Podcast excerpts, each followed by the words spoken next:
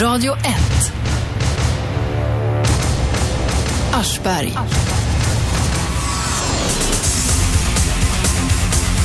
Ny vecka. Varje vardag så sänder jag här på 101,9 mellan 10 och 12 och repris 20 till 22 på kvällen. Ni kan också lyssna på radio1.se eller på en telefonapplikation som ni som har lite smartare telefoner säkert vet hur man hämtar. Idag talar vi om SOS Alarm. Det har varit ett jäkla liv om SOS Alarm den senaste tiden. Och just nu så utreder Socialstyrelsen flera anmälningar där SOS Alarm inte har skickat ambulanser till personer i nöd. Och det är ett par åtminstone av dem som då har dött. Och sen om de hade gjort det eller inte, det vet vi inte. De fick inte adekvat vård i alla fall i rätt tid. Med i studion Anders Klarström som är presstalesman för SOS Alarm och Janne Kauto som är eh, eh tillfällig ordförande, eller TF ordförande för ambulanssjuksköterskorna som är en eh, intresseorganisation som eh, är till då för att eh, få bättre vård och bättre ambulanssjukvård. SOS Alarm ägs av staten och kommunerna och landstingen eh, lika delar. Alldeles nyligen så gick eh, ordföranden eh, som heter Jonny Magnusson, moderat politiker, ut och eh, fastställde med styrelsens eh, benägna bistånd att vinstkravet ska vara 12 procent. Vinsten ska eh, hållas på 12 procent. Det betyder att det ska bli nedskärningar nu ytterligare mitt i, detta, eh, i denna storm av kritik. Anders, är det rätt tillfälle? Det är så att eh, det Jonny Magnusson möjligen har sagt, eh, det är inte verkligheten. De 12 procenten som Dagens Nyheter och andra media också tar upp har vi verkligen kraftfullt försökt förklara hur det ligger till. Varsågod och gör det nu. Göra det. De 12 procenten finns inne i våran räkning, eh, i våran eh, bokslutsräkning. De eh, är före avskrivningar. Vi är tekniktunga så tillvida att vi måste ha toppteknik när det gäller kommunikation. Vi investerar i det här nya Rakel-systemet för att kommunicera med, med ambulanssjukvården och teknik på centralerna. Eh, vinstkravet är att eh, det ska vara en, ut, en vinst på 2% på sista raden. Och däremellan finns det 8% som ägarna kräver på det egna kapitalet. Mm. Siffran 12 procent stämmer Bokföringsgrejerna, inte. det förstår de som har gått Handels möjligen. Då kan jag ställa frågan så mycket enklare. Bra. Varför ska ett bolag som ska hämta in folk som är i eh, nöd och eh, riskerar livet, varför ska ett sådant bolag överhuvudtaget gå med vinst? Vi måste göra det för att kunna klara framtiden. För att tekniken ska fungera idag och imorgon och långsiktigt. Och att våra medarbetare ska ha rätt kompetens idag, imorgon och i framtiden. Janne Kauto, håller du med om detta? Ja, alltså vinstintresset ska kanske finnas där för kvalitetens skull. Att man kan eh, bedriva på utvecklingsarbetet på ett bättre sätt. Det gör man ju, kan man ju se lite grann i det privata sfären på ambulanssidan också. Att eh, man ställer krav från landstinget och då ställer också privata aktörerna mer krav på det interna. Och kvalitetssystemen är bättre privat än man jämför med landstingen idag. När jag tittar närmare på verksamheterna så att säga. Mm. Nu är det tre landsting som verkar säga adjö till SOS Alarm och går till ett konkurrerande bolag som heter Medhelp. Ja, det är ett finskt bolag som driver sjukvårdsrådgivning och det är faktiskt inte bara tre landsting utan det är också Gotland som eget landsting. De har valt en annan lösning än den genom SOS Alarm. Eh, det där var på gång eh, redan 2009 och man valde en annan leverantör eh, men som inte klarade uppdraget och vi fick tillbaka det. Sen har man gjort en ny upphandling och de kraven som landstingen där ställer Eh, har vi inte svarat 100 procent på för att de krävde bland annat att man inte kunde ha en samordnad central för ambulans och räddningstjänst och 112 på samma ställe. De valde också att ha ett eget medicinskt index som skiljer sig från det övriga Sverige. Och vad betyder det? Det betyder att man har ett annat beslutsstödssystem i de kommande landstingen som Medhjälp kommer en att En annan checklista för den operatör som svarar i telefon alltså? Ja, så operatör som svarar i telefon tycker jag du förenklar arbetet Ja, men den som mycket. sitter då på, eh, där ärendet har kommit rätt via växeln 112? Ja, delvis rätt. Eh, det är ofta SOS-operatörer eller sjuksköterskor då som har ett beslutsstöd för för att det ska bli så rätt som möjligt. Och i några av de här avvikelserna då, då så har eh, det sviktat när användandet av beslutsstödet. Men vi tycker att hela Sverige borde ha samma system och inte minst att den här samordningen som är så viktig, där räddningstjänsten kan åka ut och styrka, eller stärka ambulansen om den tar lång tid, den skulle man kunna lösa bättre om man satt på samma ställe. De här sex fallen, eller var det vilka, hur många det nu är, som utreds av Socialstyrelsen, varför har de kommit så pass eh, tätt här nu då? Vad är det som har hänt? Alltså det har egentligen inte hänt någonting. Det är så här att vi har 3,5 miljoner Vänta ett tag. samtal. Det har visst hänt saker och ting. Folk har dött här eh, för att i väntan på ambulans. Det har du helt rätt i. Det har hänt allvarliga saker och ett av de allvarligaste är det misstag som vi har gjort eh, när det gäller eh, den 23-årige stockholmaren i januari. Det var ett katastrofalt misstag där man då inte använde det här beslutsstödssystemet som man kan kalla checklista eller index. Men var det någon operatör som sysslar med fri åkning eller? Eh, du kallar det för fri åkning. Vi skulle vilja säga att man använder inte de hjälpmedlen som instruktionerna säger att man ska hjälpa. Eh, du kallar det fri åkning. Det kan väl vara en tolkning Jag ställde en fråga. Ja. ja, man har alltså inte använt eh, det hjälpmedel vi har och man har också frångått de rutiner. Vi är alla överens om att den mannen borde fått en ambulans och det beklagar vi djupt att det inte varit så. Finns det några fler fall där ni vill beklaga så passa på? Ja, fast det gör vi inte nu. I det fallet är det jag känner till. Nej, men vad säger du då? Du gör inte nu. Du känner till, det är flera fall. Du känner väl till de fall som Socialstyrelsen tittar på, antar jag? Jag kan, inte, jag kan inte de fallen fullt ut. Det jag vet är att det här fallet i januari har inte skötts på rätt sätt av oss. De övriga får vi vänta med till utredningarna är klara. Ja, men gör ni ingen, tittar inte du på det som presstalesman själv? Jag har inte rätt att gå in i fallen som presstalesman. Det behöver inte jag kunna för mitt arbete. Vi har en enhet för eh, kvalitet och patientsäkerhet som tittar på de här fallen. De Och vad säger de då? De är inte färdiga med sina utredningar. Vi ska svara Socialstyrelsen. Janne, vad säger du om de här fallen som har varit Ja, Alltså, omskrivna? man måste ju kolla på vad media gör också. Eh, Jag kan ju uppleva att man går in på för mycket specifikt på vissa fall som man lyfter upp små detaljer ifrån. Det finns vissa ärenden som lyfts upp mycket i media nu där man kollar liksom på att varför SOS inte skickar ut ambulansen, men där man kanske istället borde gjort en snabbare insats på akuten när patienten kom dit självmant istället. Vilket innebär då liksom att vad hade vi gjort med ambulansen om vi hade kommit dit och bedömt patienten? Det kanske inte är säkert att vi hade låtit patienten åka med oss överhuvudtaget egentligen. Om det inte var så akut just i den stunden. Nej, men det av sex fall, du känner du till dem då? Eftersom du säger att det, är- det är media som vinklar det här, för det är det du säger mellan raderna. Ja, i ett av fallen är det det i alla fall. Där man läser texten och kollar. Så jag kan inte säga att om vi hade kommit med ambulansen dit, nu blir inte ambulansen skickad i ett fall till exempel, eller i flera fall. Eh, För att de patienter jag möter om dagarna, vi bedömer situationen där vi är just nu. Mm. Eh, Och vi kan ju inte veta vad situationen är om en timme, eller två timmar eller tre timmar. Om man avlider då på akuten efter åtta timmar, är det då ambulansen eller SOS Nej, nej, det är klart att folk som kommer med ambulans till sjukhusen händer att de dör på, eller som kommer med ambulans att de, att de sen kan dö på sjukhusen. Det är väl, eh, det tror jag var och en förstår.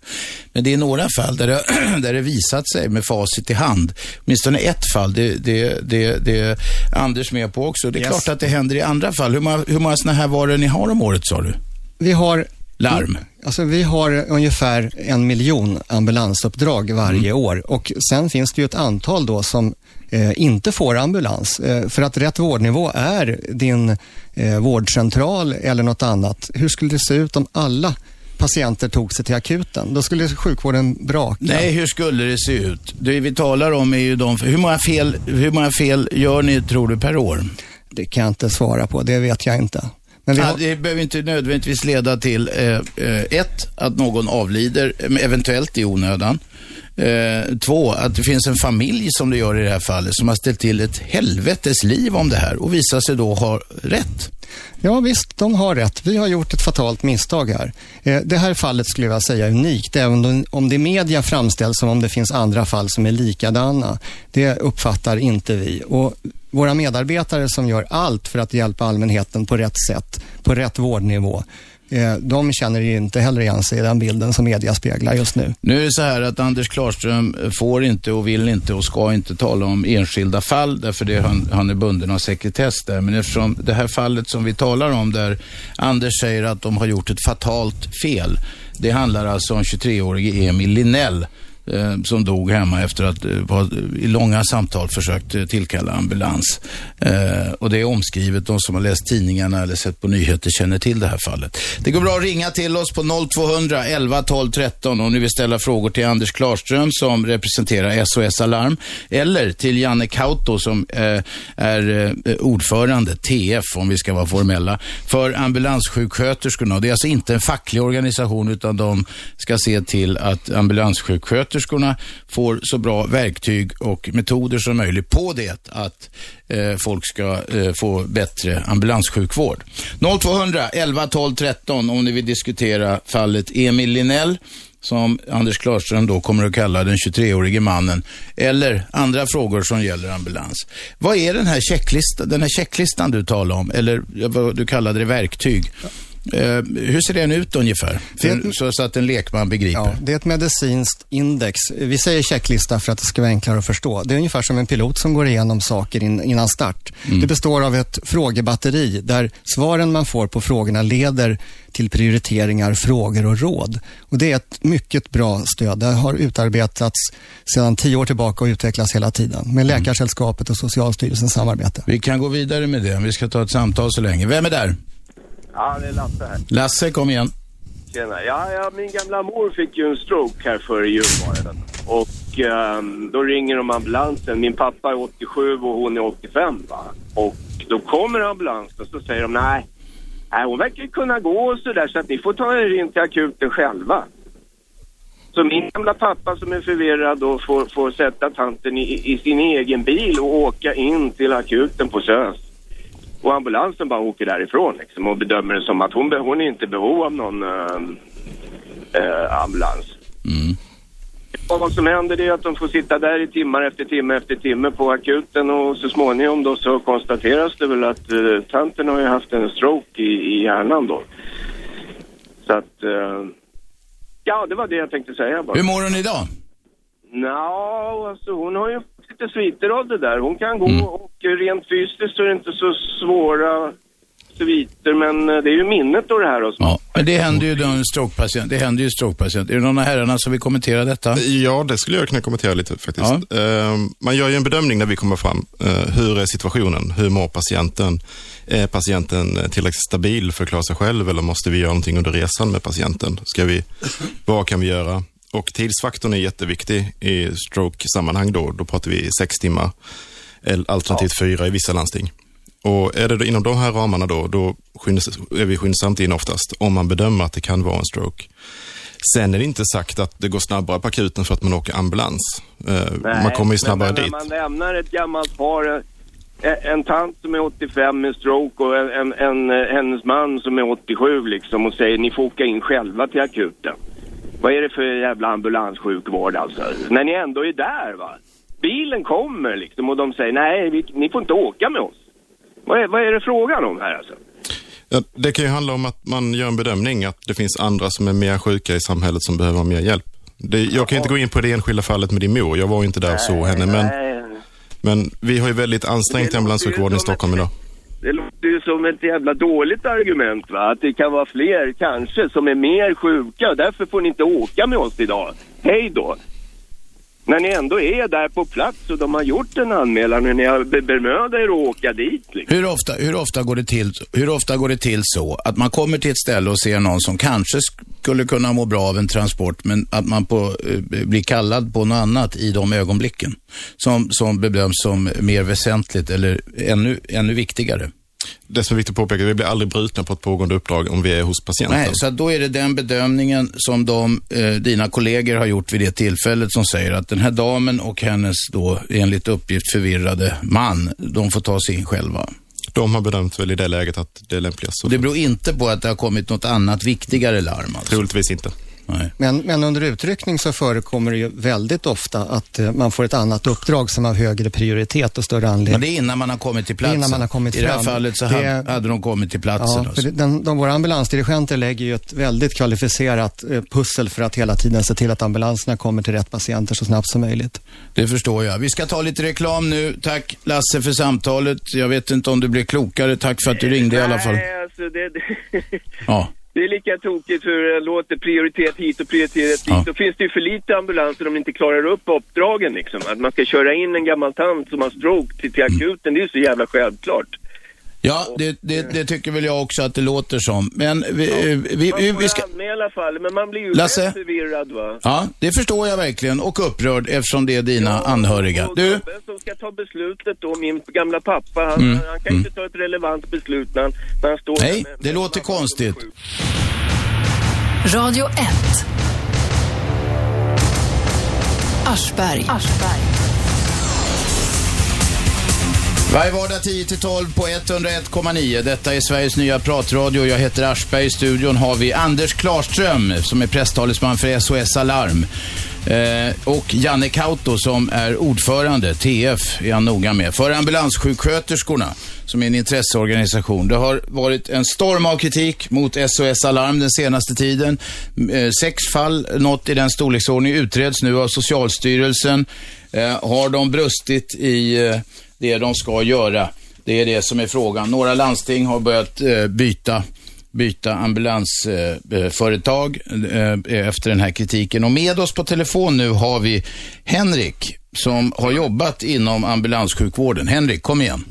Ja, det stämmer och jag vill väl bara uttrycka min förundran över att inte detta uppmärksammats tidigare. Det råder en systematisk, skulle jag vilja påstå, brist inom ambulanssjukvården och eh, SOSAB eh, när det gäller hanteringen av patienter och den, den utbildning som ligger till grund för ambulanssjuksköterskor och så vidare menar jag på är direkt undermålig. Va, vill, du, vill, du vara med, nej, vill du vara mer konkret där så att en lekman kan begripa var det brister? Var du tycker att det Det är många brister? sådana här fall när det gäller bedömningar och färdigheter där man, där man står på väldigt ostadig och lös grund. Ja, ge, ge något konkret exempel. Här är jag och så händer det något med mig till exempel. Ja, och då kommer vi till platsen och då ska vi hjälpa dig att göra en medicinsk bedömning på platsen. Mm. Och eh, det brister. Och det, det kan vara en räddningsaktion också. Det är bara att titta på hur många inom Stockholms läns ambulanssjukvård kan utföra en ytlivräddningsinsats. Jag kan, Förlåt, en vad då? En ytlivräddningsinsats till exempel. Alltså simma ut och hämta någon som, som Ja, håller på att drunkna alltså till de exempel. här basala sakerna som man tycker borde höra till eh, någon form av allmänbildning. Så att det här som sker, det, jag skulle vilja påstå att det är systematiskt och otäckt och det är en otäck attityd som råder. Mm. Herrarna? Ja, alltså, nu ska vi prata bedömningar så ska vi kolla på bedömningsbiten och då handlar det om att vi måste ha rätt verktyg. Och där måste du hänga med Henrik, att vi har inte fått rätt verktyg i Stockholm till exempel. Vi har inte våra triageverktyg, vi, vi har inte bedömningspapper. Vänta, nu, jag är lyssnarombudsman här. Vad är det du saknar?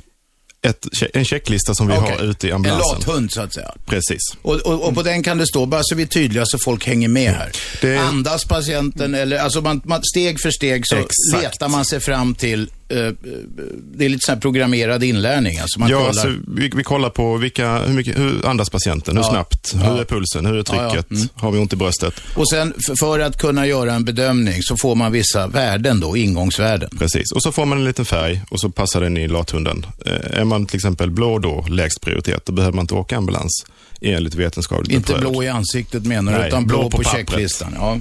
Och är man röd så är man prio ett och då ska man åka in skyndsamt till exempel. Och eh, Ja, men vi går ändå med gott samvete in i tjänst och det är det jag menar på. Det individuella ansvaret vilar ju på oss, precis på SOS-operatörerna. Detta är ju ingenting nytt. Och eh, en ambulanssjukvårdare eller ambulanssjuksköterska med, eh, med hög yrkesmoral ställer ju inte upp på det här. Man vill inte vara med på det och det är ju, det är ju någonting som är väldigt, väldigt eh, elementärt tycker jag för alla yrken. Jag blir väldigt upprörd när jag, när jag hör om de här fallen nu som rapporteras och det här med SOS och att de ska gå med larm och, eller med, med vinst och så. Så det är väldigt upprörande. Anders? det är mycket att svara på samtidigt här. Men våra SOS-operatörer och SOS-sjuksköterskor, de har den här checklistan vi pratade om i första avsnittet att gå på. De har sina frågor och sina svar. De ser aldrig patienten. Det är ett mycket svårt jobb och man försöker ju se till att det blir rätt nivå eh, och man kommer ju också att prioritera lite i överkant. Så det betyder att en del ambulanser åker ut till patienter som när man möter dem och ser alla intryck kanske inte är i det skicket att man behöver åka Men då, må- ambulans. här måste jag fråga en sak.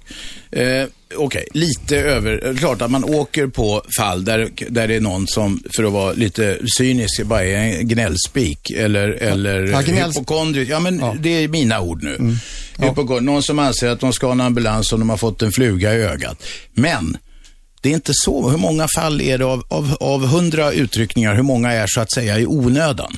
Det tror jag Janne vet bättre i så fall. Om ja, men skjut från höften. Ja. Jag, jag vill föra alltså, resonemanget jag vidare. Jag skulle mycket väl kunna säga att hälften kan ta sig in hälften. på annat sätt. Okej, okay. om vi tittar på brandkåren till exempel, så gissar jag att över 90 procent av deras utryckningar är meningslösa när de väl kommer fram till platsen. Det är automatlarm. Eh, om vi, även om vi tar bort det så visar det sig att det är inte kanske, var inte värt hela den utryckningen. Men de chansar inte, Nej. utan de åker i varje läge. Men då måste vi prata resurser med. Vad har vi? Ta Stockholm som exempel. Nu är det dag, måndag, vardag. 55-56 ambulanser på 2 miljoner invånare. Är det rimligt? Ja, vad, vad, tycker du? Jag tycker inte det är rimligt. Hur många vill du ha? Ja, men jag vill ju ha så vi kan täcka en beredskap. Det kan vi inte idag. Alla bilarna utnyttjas maximalt. Det är bara att titta i stan. Alla bara rullar. Ta Nynäs.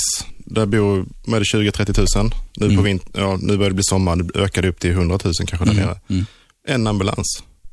Ta, landsting, ta i Kristianstad till exempel, nere i södra Sverige. Där står det på dagtid sex ambulanser på 70 000 invånare. Hur har det kunnat, vad beror denna snedfördelning på då? Det får vi fråga våra politiker och tjänstemän tycker jag. Ja, men om du svarar, eh, då får vi kanske en massa snömos till svar. Så att säg nu vad du tror. Jag tror det beror på att man försöker spara in pengar och dölja problem. Men inte i, vad sa du, Halmstad eller vad var det du sa? I Skåne funkar det mycket Skåne. bättre. Där har man bättre täckning, där har man högre krav på kvaliteten. Där ska ambulans vara på plats inom 15 minuter på prio uppdrag och det klarar man upp mot 95 Och hur har skåningarna råd med det? Ja, är de tätare eller vad är problemet? Ja, det vet jag inte om de är. Man eh. tänker till, man har beredskapstänk i Skåne, man har bättre organisation prehospitalt, man har ett organ i landstinget som har rätt att ta ekonomiska beslut. Det har man inte i Stockholm. Finns det någon statistik som visar att det här lönar sig hälsomässigt? Det vill säga att fler människor överlever när det är sådana här som infarkter ja, det finns vad det. det nu kan vara? Det, du kan ta hjärtstoppstatistiken. Mm. Den är, har alltid varit högre i Skåne gentemot Stockholm. I Stockholm täcker man, innan hade man 3% för några år sedan innan man började med Salsa-projektet här, där man skickar ut brandmän, polis, taxibilar, sms-livräddare och hela kittet. Det är jättebra att man är på plats tidigt och snabbt, men ska inte ambulansen vara bland de första? Jo, det tycker man är rimligt. Henrik, är du kvar? Jag är kvar. Vad säger du om det du har fått höra här? Ja, mitt blod går ju upp till kokpunkten och jag är snart i behov av en ambulans själv. Jag, jag tycker det är väldigt anmärkningsvärt och det, det, det, är väldigt allvarligt där. Och jag vill ju mana till att vad, vad det här mycket handlar om det är bristande kunskap. Dels har vi för dålig utbildning. Alltså det här behövs, man ska göra en medicinsk bedömning. Idag sker en omvårdnadsbedömning. Gå på medicinsk grund, det är jätteviktigt. Radio 1 Aschberg. Aschberg. Varje vardag 10-12, 101,9 frekvensen. Lyssna också på radio1.se eller via telefonapplikation. Ni som har lite smartare, nyare, dyra telefoner kan göra det. Vi talar om eh, stormen av kritik mot SOS Alarm. Eh, Socialstyrelsen utreder just nu sex fall, något i den storleksordningen. Kanske är det flera. Eh, det ena kan ju ge det andra. Eh, där SOS har fått hård kritik för att de har gjort fel. Inte skickat ambulans. Det mest kända fallet är förstås 23-årige Emil Linell som lämnades eh, att dö hemma fast han ringde flera gånger och vädjade om eh, ambulans. Eh, med oss i studion har vi Anders Klarström som eh, representerar SOS Alarm och Janne Kauto som representerar ambulanssjuksköterskorna. Det visar sig eh, eh i, före eh, nyheterna här att i Skåne så finns det ungefär 36, var det så Janne? 36 dygnsbilar, det vill säga ja, dygnet ungefär. runt finns det minst, alltså på natten finns det minst 36 bilar på cirka en, miljon, en styv miljon invånare. Ja. Och i Stockholm så är siffran? Det är samma, fast på två miljoner invånare. Ja, så det är hälften så, hälften så eh, många ambulanser i Stockholm som det är i Skåne. Och jag som alltid har tyckt så, varit kritisk till Skåne, jag börjar gilla Skåne nu plötsligt. Med oss på telefon har vi också eh, Henrik. Henrik är före detta ambulanssjukvårdare och han är mycket upprörd här. Henrik, eh, du hörde, det är alltså dubbelt så många ambulanser per capita i Skåne mot vad det är i Stockholm. Ja, och jag vill först säga det också. Janne som sitter med här i studien är nog ett välgörande undantag också i den ambulanssjukvård vi lever i. Och Stockholms läns landsting är väl, eh, skulle ska man vilja säga, ambulanssjukvårdens ättestupa. Eh, där har man väl liksom redan passerat gränsen tror jag för all form av värdighet om man ska ställa någon form av mått mätt. Så att Eh, det är anmärkningsvärt och de här skillnaderna gör ju också att det är sjuka och svaga och värnlösa som drabbas. Och sen ska man också tänka på de som tjänstgör inom ambulanssjukvården. De ska leva med det här. Eh, det fanns en norsk eh, ambulanssjukvårdare, han skrev en bok, Ambulansen dräper. Det är nog dags att skriva en bok i Sverige också.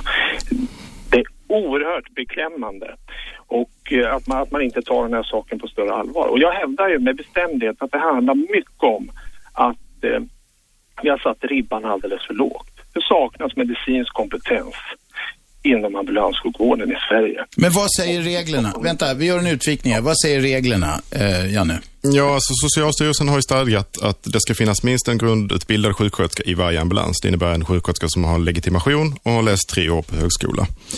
Eh, vissa landsting, Stockholm ett av dem, eh, Göteborg Eh, och sen har vi Skåne i alla fall och sen är det något landsting till som har stadgat ytterligare krav i sina upphandlingar att det ska finnas specialistutbildad sjuksköterska i varje ambulans. Alltså en sjuksköterska som läst ytterligare ett år till på sin kompetens. Då. Och det antar jag då kompetens det, det, det, som eh, är specifik, alltså som är riktad för just denna form av sjukvård? Nej, tyvärr är det inte så. Det är lite, Henrik har ju rätt att det är Vadå, fel så man kan vara uro, urolog, sjuksköterska till exempel, ja. och då uppfyller man det. Det är ju inte riktigt relevant, gissa i de flesta fall. Nej, det är det här. Jag kämpar i motvind kan jag säga. Eh, det, det börjar bli fler och fler ambulanssjuksköterskor som har läst ambulansinriktning för att kunna jobba i en ambulans med den här bredden vi kan med mm. bedömningar och så vidare. Mm. Mm. Men det finns ju fortfarande folk som går in på dispenser och liknande. Operationssjuksköterskor, urolog, ja, cancersjuksköterskor och liknande. Mm.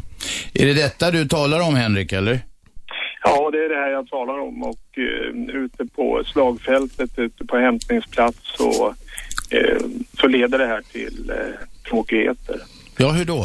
Har du några exempel? Ja, men det, det, alltså, finns det bristande kompetenser och bristande kunskapsluckor, att man inte kan vila i, i, i, god träning och rutin och att man har det här i ryggraden, då drabbar det ju de sjuka naturligtvis. Mm. Man, för, man ska komma ihåg, en ambulans är ett rullande akutrum. Det, ja, det är för mig väldigt märkligt att man inte har tagit upp det tidigare och Janne han har så rätt. Eh, för det är ju faktiskt så att en grundläggande sjuksköterska läser i föga utsträckning medicin. Om någon alls skulle jag vilja säga, man lär sig räkna lite läkemedel. Man lär sig grunderna inom anatomi och så vidare. Men det, det här vi arbetar med det är, det är alltså akutsjukvård på skadeplats eller hos en väldigt svårt sjuk människa. Mm. Det kräver speci specialistkompetens. Och då har vi problemet med SOS också. Och där sitter också sjuksköterskor. Ja, Stockholms läns landsting var ett av de första att kräva att man ska vara sjuksköterska, vidareutbildad sådan. Det finns en SOS-läkare i Stockholm faktiskt. Det är en, den enda SOS-centralen i Sverige som har läkare på plats. Det finns i Stockholm och det är ett önskemål och krav från Stockholms läns landsting. Och de var väldigt tidigt ute och kräva att sjuksköterskor ska göra eh, de medicinska prioriteringarna och också ge råd i avvaktan på att ambulans kommer fram. Mm. Har ni ambulanssjuksköterskor anställda hos er? Det finns ambulanssjuksköterskor men det finns också eh, sköterskor som kommer ifrån andra delar av sjukvården men som har en akut medicinsk inriktning. Eh, vi, Hur testar ni dem? Vi har ju eh, antagningskrav eh, för våra medarbetare. Ja, men hur går de till? Ja, det kan jag inte svara på. Nej.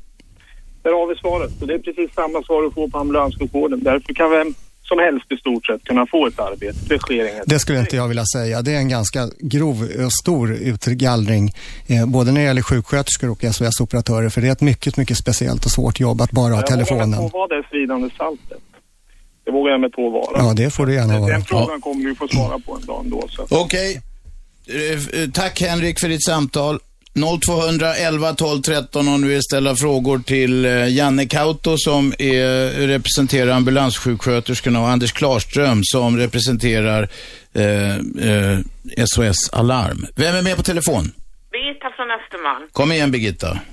Detta är en fullständig skandal.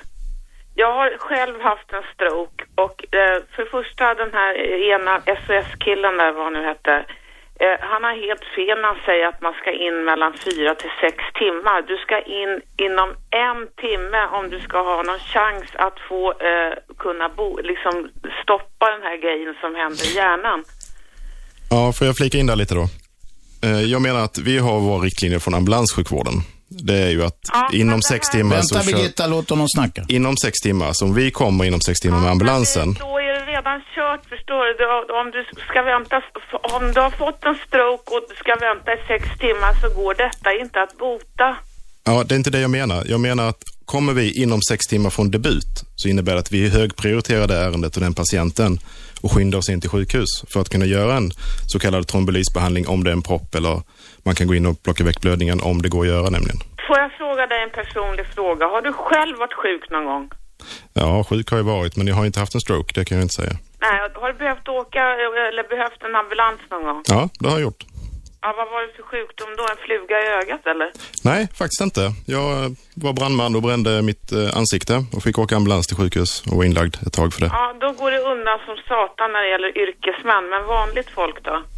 Ja, vi behandlar ju alla lika alltså. Det är symptomen som, som avgör prioriteringen.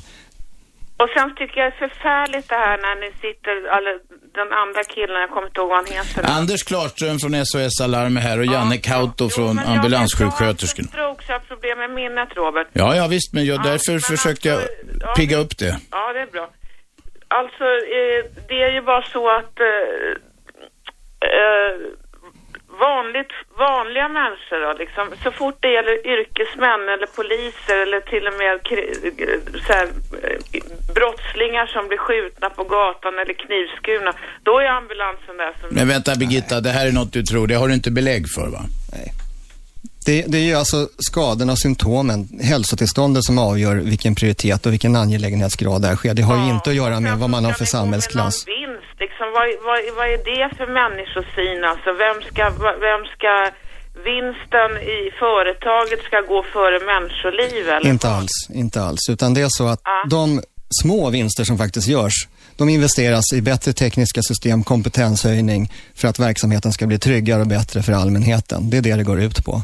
Och sen måste man ju diskutera alltså, det privata i ambulanssjukvården eller med kontra landsting. Det är ju faktiskt en politisk fråga. Det Ja. har ju de som har valt och bestämt det att det ska Ja. bli så. Ser du några för och nackdelar med de systemen? Eh, på gott och ont. Jag kan nog säga att landstingsbiten uppåt landet till exempel, de är jättedåliga på att rapportera fel. Medan vi är jätteivriga att rapportera fel mot privata vårdgivare. Vi, det är privat, du jobbar jag jobbar privat. privat. Ja. Mm. Alltså jag ser ju att Falk till exempel som blir granskad av Uppdrag granskning förra året, Mm. eh, de presenterade ju sina avvikelser och felrapporteringar, vad som gick fel. Medan då landstingen inte gjorde det. Jag tycker det här systemet är, fullständigt eh, samhällsosäkert alltså. Det känns som att Birgitta. man att- Birgitta, hur vill du ha det? Hur skulle du vilja ha det? Ja, att man, jag tror det är ytterst få som ringer ambulans om de har fått en fluga i ögat eller vad du sa. Jo, men det tror jag också. Jag sa också att jag var cynisk. Jag, för att dra, hårdra ett Nu- exempel. Nu kan man i och för sig få väldiga besvär utav det i och för sig, så att, men det kan Birgitta, man ju- hur vill du ha? Hur skulle du vilja ha? Det- Om man är svårt sjuk så ska en ambulans komma inom tio minuter, en kvart i alla fall här inne i Storstockholm anser jag. Vänta ett tag Birgitta. Finns det några sådana regler? Hur snabbt ska en eh, ambulans vara på plats? Ja, om om det, det- om vänta det- Birgitta, jag vill Ja, ställa men en jag fråga. får inte prata klart. Nej, det får du inte, för nu skulle jag ställa en Om fråga. man blir hjärtinfarkt eller stroke så... Ja, ja, men det är ju det jag ska säga. Vänta nu Birgitta. Om det är, en, det är något som en, en operatör ser bedömer som allvarlig sjukdom, vad finns det för tidsgränser? Eh, gränser? Eh, Landstinget har ju egna eh, tider som man eh, antar jag har stämt av med Socialstyrelsen. Vilka är de då? Ja, jag kan dem inte. Kan du dem, Janne? Eh, jag vet inte om de stämde med Nej. Socialstyrelsen, men vi har ju i alla fall att vi får ut så åker vi på prio 1 och 2 åker vi på 90 sekunder. Prio 3 åker vi skyndsamt på också. Eh, däremot så har ju landstinget i Stockholm satt ett mål att prio 1-uppdrag ska ha en ambulans inom 10 minuter. Vad betyder prio 1-uppdrag? Alltså blåljus och siren, fara för liv. Då är det fara för liv. Ja. Och Då- två? Då ska vi, prio 2, då är det ju, alltså, då är man sjuk, allvarligt, behöver hjälp omgående, men inte blåljus. Okej. Eh, så 10 minuter på prio 1 ska vi vara på plats, har landstinget satt som krav. Inom hela Stockholms läns landsting? Ja, och enligt den statistiken som är delgiven eh, under hösten var det va, så är det 37 procent når vi till på 10 minuter. Ett, ett av tre alltså på tio Ja, minuter. det och är mål, riktigt dåligt. äh, äh, regeln, eller det kravet finns, det ska vara tio minuter i hela Stockholms läns landsting och bara var tredje där uppfyller ni. Mm. Ja, Birgitta, var det något mer? Får jag prata om flugan i ögat? Det skulle jag vilja göra. Okej. Ja, jo, nej, men, Ja, men- ja, men jag, för- jag ska ta en slutkläm då. Okej, Det kom igen. Eh, Det är liksom, man, man bara, alltså sjukvård och ambulans och alltihop det här, det är så jävla jobbigt, ursäkta jag svor. Så att jag säger så här, det är lika bra att bara dö knull och full alltså. Pang. Birgitta, gör inte det, för då kanske du inte kan ringa imorgon. Vi hörs sen. Tack för samtalet. 0211 12 13 ringde Birgitta på, Birgitta från Östermalm. Hon ringer nästan dagligen och det är eh, lika trevligt varje gång. Eh, Anders? Ja, jag skulle vilja säga det där med flugan i ögat var väl kanske en överdrift. Men tyvärr är det ju så att väldigt många ringer för att få en ambulans när situationen inte kräver det. Det är ju viktigt att vi ser till att ambulansresurserna används till de som verkligen behöver ambulans. Och vi hänvisar ju då förstås till rätt vårdnivå. Det kan vara vårdcentralen, men det kan också vara att ta sig själv till akuten. Mm. Vem är med på telefon? Hallå? Ingen som orkar vänta. Vem är där? Ja, tjena Ante, Stockholm. Hampe. Ante, ja. Ante, kom igen Ante. ja. nej, Jag vill ge tummen upp för ambulansförarna. Jag tycker de är bra alltså. De gör det bästa de kan med de resurser de har. Jag menar, man kan göra jämförelser. Jag blev grovt misshandlad för ett par år sedan och då var ambulansen, när vi ringde SOS, då var ambulansen där på 10 minuter, en kvart och snuten kom en och en halv timme efter. Så Då var jag redan inne på SÖS. Tummen upp för ambulansförarna, tummen ner för snuten säger jag. Okej, tack för det kärnfulla. Vem är med på telefon? Hallå, hej. Vem talar vi med? Skruva ner radion och så säg vad du heter. Jag heter Cecilia, hej. Hej Cecilia. Jag skulle också vilja säga att jag tycker att eh, Stockholms ambulanskår är helt suveräna. Jag har ringt dem flera gånger när jag har haft amnöd av allergier. Ja, och du har fått bra och snabb hjälp varje gång. Ja, kanon. Man alltså snabbare än liksom man hade kunnat trott. Det har gått jättefort. Okej, men det är nu ingen som har hackat på de här människorna som sitter och kör ambulans eller ska ta hand om folk, utan det är snarare resurser och möjligheter vi diskuterar. Eller som faktiskt, som, vänta, som faktiskt eh, Henrik som hade jobbat i ambulans, han menar också, det kan vi komma tillbaks till, det individuella ansvaret. Tack för samtalet. Radio 1. Aschberg. Vi diskuterar kritikstormen mot SOS Alarm som eh, eh, vars misstag ledde till att Emil Linell, 23 år gammal, fick eh, dö därför att eh, ingen lyssnade på SOS på hans vädjanden om ambulans. Nu, just nu utreder Socialstyrelsen sex fall, jag tror det är sex fall. Vi, eh, det är oklart vad de leder till. Eh, Anders Klarström som är här, han medger att de gjorde ett allvarligt fel när det gällde Emil Linell. Han kallar honom 23-åringen. Killarna här kan inte tala om enskilda fall, det får de inte på grund av sekretess. Vi har eh, eh, flera ringare med oss. Vi har Kristin på femman. Kristin, kom igen. Ja, hej. Kristin Låne heter jag och är kollega till Janne faktiskt här i Stockholm och har skrivit, eller jag går upp nu på tisdag med en magisteruppsats här om ambulanssjuksköterskans kompetens. Ja. Eh, och eh, är dessutom med i den här riksföreningen för ambulanssjuksköterskor och, och eh, jag tycker att vår kompetens är ju faktiskt egentligen tillräcklig för att göra de bedömningar som vi ställs inför. Och vad tycker du om den kritik som har kommit senaste tiden då? Eh, mycket av kritiken handlar inte om själva ambulansen eller ambulanspersonalen utan det låter mer som att det handlar om att SOS gör felaktiga bedömningar eller att patienter på akuten får vänta för länge. Sen är det ju dessutom de här fallen där, där ambulanserna kommit fram och inte tagit med patienter som, som kanske borde ha kommit med. Och det låter ju jättetråkigt och kanske är felaktigt. Eh, vi och de personer som jag intervjuade till min uppsats, där, där ser man ju till helheten, till hela människan. Man ser att dels är ambulansen, vi är inte bara en transporterande enhet utan vi, vi vill ju göra någonting när vi tar med patienter och vi vill göra det bästa för patienten. Sen så, så, så måste vi lösa hela situationen. Om det är då en, en man som inte kan köra bil för att han är förvirrad, då ska ju inte vi sätta dem i en sån situation att han måste köra bil, utan då måste vi lösa det på ett annat sätt. Till exempel stoppa in honom i ambulansen och köra honom till någon sjukvårdsinrättning. Till exempel. Eller ordna så att det kommer hemtjänst hem till dem eller ordna Ja, så att det kommer en distriktssköterska hem till dem. Alltså beroende på vad som, vad som krävs. Och vi har ju fyra års högskoleutbildning. Men alla har ju inte det som sitter i ambulanser har vi just fått höra. Nej, det är ju lite tråkigt tyvärr. Eh, men i Stockholm, som jag jobbar i och, och utgår ifrån, eh, så har vi fyra års utbildning där vi faktiskt får lära oss hur man gör bedömningar och vi, vi ska kunna skilja på en, en svårt sjuk patient och en frisk patient. Men det du, vill säga, det du vill säga nu, om jag har förstått det rätt, det är att felet ligger inte, som du ser det, hos de som är ute och kör ambulanserna och tar hand om folk på- på gatan eller i hemmen, utan eh, felet ligger hos SOS Alarm, operatörerna där. Nej, fel, felet ligger, alltså det är ett, ett systemfel. Vi borde jobba ihop mycket mer. Mitt drömscenario det är att SOS Alarm tar emot samtalet, säger hej, hur mår ni? Eh, så säger de såklart inte för de är mycket professionellare än så. Men eh, eh, så tar de det vidare och ser vad, vad behöver vi göra här? Finns det någon möjlighet, risk att den här patienten behöver en ambulans eller behöver en vidare bedömning? Då skickar man ut en ambulans som åker fram och säger hej, vi kommer hit och vill bedöma dig. Vi tar våra kontroller som vi kan ta och bedömer, tittar på patienten. Eh, med vår erfarenhet, bara genom att se en patient, så ser man oftast när patienten är välmående eller inte. Eh, och sen så säger vi så här, ja men det här verkar som att du kanske har halsfluss. Eh, ring vårdcentralen. Eller vi ringer vårdcentralen och ordnar en tid, du får komma dit imorgon. Eh, eller, du är jättesjuk, varsågod vi åker in till sjukhuset nu direkt. Ja. Så borde det fungera. Ja, och hur fun- det, så funkar det inte idag menar du? Nej, idag så är det mer att när, när vi väl kommer till patienten, då, då tror många patienter att, att nu kommer den enheten som ska ta oss till sjukhus. Inte att vi kommer ut och får göra bedömningar och vi får inte heller använda då vår kompetens fullt ut och, och faktiskt göra alltså tidsbesparingar som det är om man kan bedöma att nej, men den här patienten behöver inte till sjukhus utan till vårdcentral kanske, kan åka dit i egen bil. Då är ju den ambulansen ledig. Ja, ja, snabbare. och kan ta hand om någon annan som är allvarligt sjuk.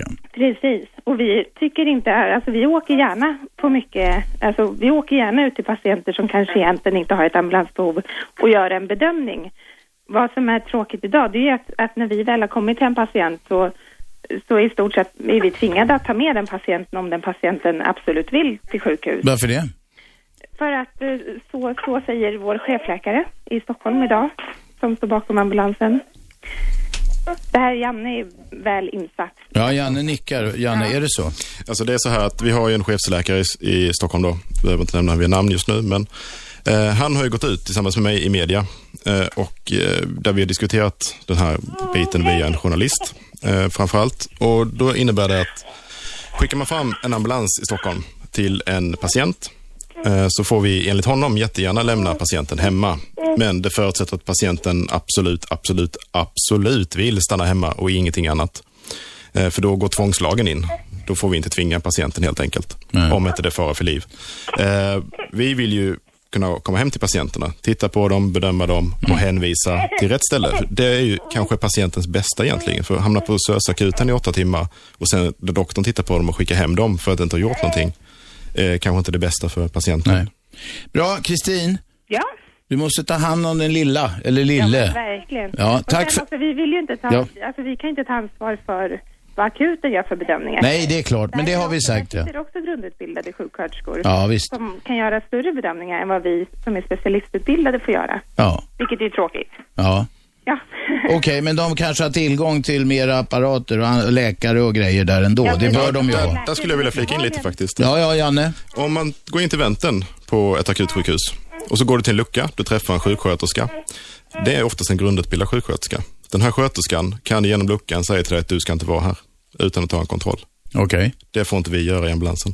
Nej. Som är specialistutbildade. Utan vi tar fullständiga kontroller men vi får ändå inte lämna patienten. Nej. Okej. Yes, får jag avsluta och säga bara att jag, jag skulle känna mig mycket trygg med att, eh, att ringa en ambulans idag. Bra. Jag tror att, att vi får den hjälp som vi behöver i de allra, allra flesta fall. Okej, tack. Bra, tack.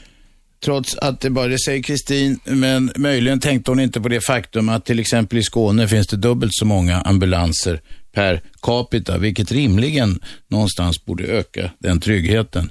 Bosse, Ja, kom igen. tja, jag heter Bosse. Jag jobbar på ambulansen i Stockholm jag sitter och lyssnar på det här programmet. Eh, till att börja med angående det här med kompetensen i ambulansen så är det ju väldigt få, man pratar om någon ögonspecialistutbildad syrra här, det är inte det det handlar om i ambulansen. Det är oftast ambulansutbildning då, eller narkos eller intensivvårdssköterskor. Vissa, eh, vissa har psykiatri också, vilket inte är helt fel att ha med sig som eh, yrkesbakgrund. eh, som syr i ambulansen. Eh, sen är jag lite överraskad att det inte kommer en storm av samtal från läkare, ambulansfolk, eh, läka, eh, läkare som har med ambulansen att göra och sjuksköterskor i ambulansen från Stockholm och som ringer in till det här programmet. Eh, väldigt förvånad, men det här är ju lite jobbigt att prata om givetvis. Eh, ambulansen åker ut till, till patienten och eh, vi ser ju patienten live på plats så att säga. Och många gånger så överensstämmer ju inte patientens samtal till SOS med verkligheten. Nej, nej, det är klart. Den kan ju skilja sig dramatiskt åt, vilket den gör i väldigt stor utsträckning. Så att eh, det var någon man som ringde in och var väldigt upprörd att inte ens hans pappa åkte in, eh, fick, fick bara am- ambulans på en gång för att ambulansen var där. Eh, det, det är ju så att den specialistutbildade sköterskan på plats gör ju en eh, bedömning på plats och tar alla parametrar som behövs och gör sen en bedömning. Ja, det är klart. Jo, men att det, det, det måste man väl i och för sig begripa också att anhöriga kan vara väldigt oroliga. Radio 1. Aschberg. Varje vardag 10 till 12 och repris 20 till 22. Vi diskuterar kritikstormen mot SOS Alarm efter ett tragiskt dödsfall och det är flera utredningar på gång hos Socialstyrelsen. I studion är Anders Klarström som representerar SOS Alarm och Janne Kauto som representerar ambulanssjuksköterskorna. Med oss på telefon har vi, som har väntat över nyheterna, Bosse. Bosse, var var vi någonstans? Jo, vi var att jag pratade om kompetensen där i ambulansen, att det är tillräckligt bra kompetens på, på sjuksköterskesidan, alltså angående ambulansutbildningen, eh, narkos och intensivvårdskompetensen. Och att verkligheten på plats hos patienten ser definitivt annorlunda ut när man kommer fram än det låter på, på telefon. Jag vill ju hävda att det inte är ont om ambulanser. Jag vill ju hävda att det är för gott om patienter som stretchar sanningen om sina symptom när de ringer till SOS. Okej, vad menar du att man kan göra åt det då? Om folk är oroliga eh, och då, de flesta gör det ju inte på jävelskap. Nej, de flesta gör inte på jävelskap, de gör av okunnighet. Man tror att ambulansen ska lösa alla problem. Dessutom så eh, skulle man kunna lösa transporten på annat sätt för sina symptom. Skoskav kanske inte är liksom det allra mest... Men vänta ett tag, hur många gånger har du åkt på skoskav? Ja, vill, med det vill jag beteckna alltså att man ringer för, eh, för hosta och massa saker som kanske inte hör till akutsjukvård utan där kan vård, vårdnivån kanske bör vara på vårdcentralsnivå eller någonting sånt va. Men, där, men man litar ju uppenbarligen inte på vårdcentralen utan man tror att akutmottagningen ska lösa alla problem åt människan. Så fattar jag det. Mm, är det det stora problemet menar du? Alltså, Att jag- folk ringer en massa i onödan, att de är hypokondriker? Ja, jag vet inte om de är hypokondriker men alltså det finns ju x antal ambulanser. I Stockholm tror jag att det finns en 50 stycken eh, dagtid i måndag, fredag och vi ska serva två miljoner personer. Mm, är, det, är det tillräckligt tycker du? Eh, 50 ambulanser? Ja. Nej, om man ska transportera alla människor som ringer och vill ha en ambulans så ska vi nog behöva ha eh, bussar. I Skåne har de dubbelt så många. I Skåne har de dubbelt så många. Ja, jag vet att de har eh, väldigt, mer ambulans, väldigt många mer ambulanser per, per, per Ja, just det. invånare. Ja, per invånare menar jag. Och det skulle jag vilja här, ha här också givetvis. Ja, det var det jag, jag visste att du skulle komma till det. Därför, även om du anser att du, ni får åka i onödan. Brandkåren åker i onödan en jävla massa gånger, men de åker ju alltid. Hallå? Hallå? Ja, det tappade vi. Tappade vi Bosse. Vi ska se om Ylva är kvar. Ylva? Ja, Yl- Ylva är kvar. Ja, kom igen Ylva. Ja. Jag skulle vilja höra lite grann. Jag är taxichaufför. Eh, och eh, det händer ju både här och då att jag får eh, ambulanskörningar eller patienter som vill till akuten. Eh, jag undrar lite grann över den juridiska aspekten för mig som eh, taxichaufför. Jag är visserligen utbildad mentalskötare från 80-talet då jag jobbade i tio år extra. Ja, men du menar om du skulle kunna, om du skulle kunna hamna i kläm om något händer under man taxiresan? I, I taxin så att säga. Häromdagen hade jag en person som eh, påstod sig känna sig döende. Eh, och eh, ville akut till Karolinska. Och jag har ju inga sirener att sätta på taket. Men då eh, ringde jag 112 då och förvarnade om att jag hade den, han hade ett förgiftnings eh, då, hade druckit alkohol och ätit medicin som man inte fick. eh, Det är en dålig cocktail ofta, ja. så att eh, och dessutom svartnade för ögonen och Mm, höll på att tuppa av och så. Man an- andades. Och, och visserligen har jag akut, jag dels lätt för att, lugna ner folk eftersom jag har mentalskötarutbildning och så. Men jag, har ju, jag är ju inte sjuksköterska Nej. och jag har ju inte ambulanskompetens. Vad hände då? Du körde in den här personen? Ja, jag ringde 112 och så förvarnade jag att jag eh, var på väg till Karolinska och att jag tänkte köra för fort då. Ja, Att ja. jag åker dit för fortkörning. Mm. Eh, och eh, att den här patienten var på väg och det gick jättebra. Han kom fram i tid och eh, blev eh, mottagen där. Men däremot blev jag eh, ifrågasatt som taxichaufför då och undrade om jag var anhörig. Eh, läkare har sagt till mig vid tillfälle att jag ska ringa 112 om det är så att jag får den här typen av patienter i taxin då. Mm. Men juridiskt om han skulle dö i taxin, vad, vad kan... Ska vi slänga frågan till eh, eh, Anders Klarström från SOS Alarm? Ja, så bevandrad i juridiken är jag inte, men självklart är det så att det finns människor som åker taxin som borde åkt ambulans, men det är nog tyvärr ännu vanligare om, omvänt, alltså att det är fler som önskar ambulans som borde åkt taxi. Jag kan inte juridiken, tyvärr.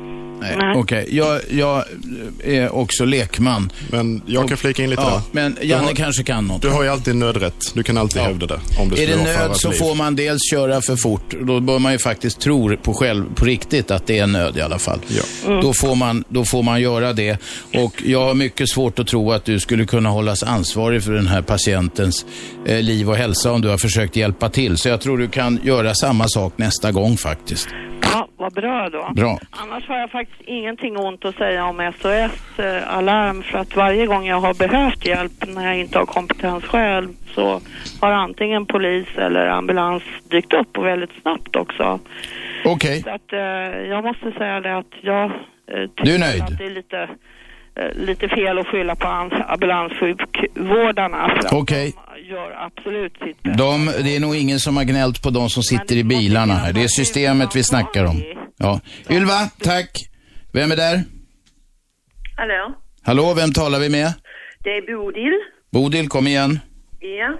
Jag vill bara påpeka att det finns fantastiska människor på SOS Alarm. Jag Ja. har själv blivit räddad till livet av en ung man vid namn Patrik när jag fick min tredje hjärtinfarkt måndagen den 4 maj 1992. Vi gratulerar, Bodil. Ja, och tre, i tre kvart pratade han med mig innan ambulansen kom för jag fick vänta för att de var iväg bägge två. Men han lärde mig då att han tvingade mig upp i halvrätt ställning så jag kunde frilägga mina luftvägar. Plus att han blåste ut ljus med mig. Och han plågade mig. Han blåste ut ljus. Ja, det var en andningsövning så att säga. Ja, Ja. ja. Så han räddade mitt liv, denna unge man, och jag lever den dag som idag är som ni hör. Vi sänder en tanke, en uppmuntrande, uppmuntrande, uppmuntrande heter det, tanke till, till den gode Patrik då på SOS Alarm. Ja, ja. Du Bodil, var ringer du ifrån? Jag ringer från Skåne. Jaha, och där har ni gott om ambulanser. Jämfört med hur det ser ut här i Stockholm. Jaha, ja, ja. ja. Vi brukar ha två här på orten, men just den dagen var bägge man... Vilken, vilken ort bor du på? Sjöbo.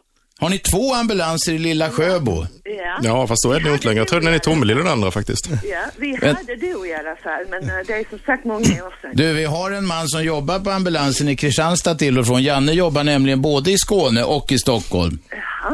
Jaha. Mm. Han, säger, han säger att du har lite fel. En är i Tomelilla. Ja, jag tror den står där nu med faktiskt. Ha. Ja, ja, men jag vet inte hur det var 92, men jag har för mig att jag fick ju vänta i tre kvart. Eh, synet började då när det kom. Det var ju ganska lång tid, tre kvart måste jag säga. När de hämtade mig så såg jag, eh, för jag hade tvn på, så såg jag att Pullman stod och pekade ut vädret. Ja, då var det ett tag sedan va? Det är långa avstånd där nere ju. Så är det. Är det långa? Ja. Okej Bodil, tack för samtalet.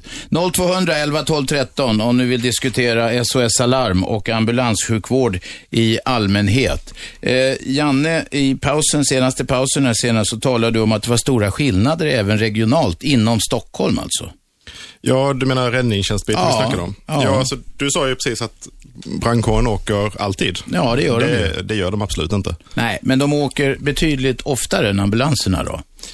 Eh, På de uppdrag de får, ja. Okej, men kom till det specifika. Ja. När, Det är när någon så- tror att det brinner, då åker brandkåren. Absolut. Även om det är automatlarm, vilket är en jävla massa. Och det måste de åka och få kvitto på att det inte verkligen är någon stor brand på gång. Din kritik riktade sig mot... Trafikolyckor i huvudsak. Eh, Stockholms brandförsvar eh, har ju valt att inte åka på alla trafikolyckor. Eh, vi vill ju ha med dem för vår egen säkerhet och för patientens säkerhet, men eh, tydligen är inte det så viktigt alltid. Utan vad säger de då? Om ni säger att det är, en, det är en ordentlig smäll här, det får man höra från folk som ringer in vanligtvis. Om det är en krock på någon trafikerad väg så ringer ju många från sina mobiler.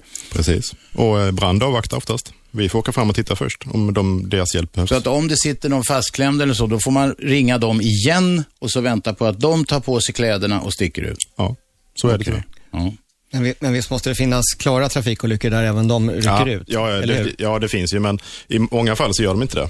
Även ifall det sitter folk kvar i bilarna. Okej, kritik mot brandkåren. Idag sysslar vi dock huvudsakligen med kritik mot SOS Alarm. Vem är med på telefon?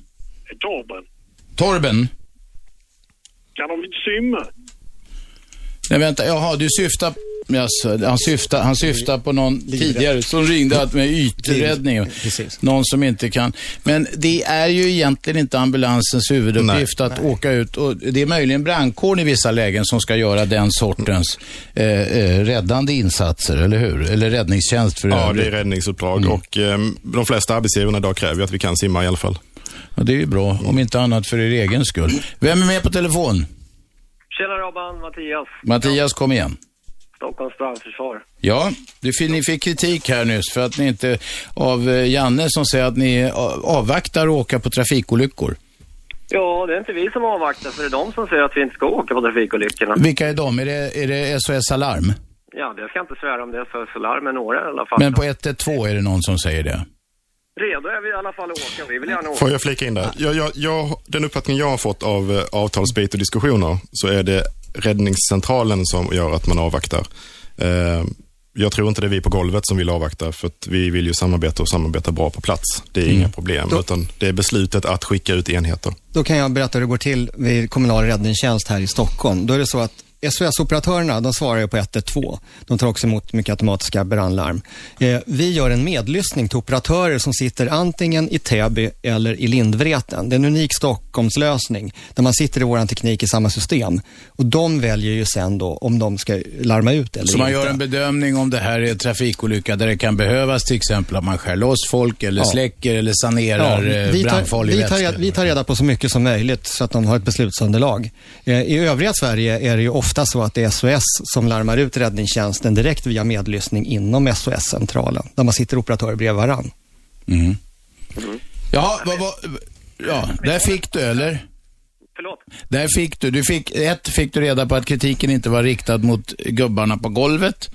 Eh, eh, och eh, du fick möjligen en förklaring eh, till varför det kan bli så ibland. Jag vet inte om Janne är nöjd med den.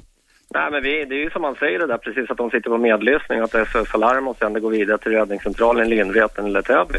Men problemet är att vi har ofta varit i diskussioner med dem att vi åker gärna på larm och vi är här för att åka på larm. Precis. Sen kan vi backa tillbaka om olyckan inte är så av den omfattningen så att vi behöver hjälp.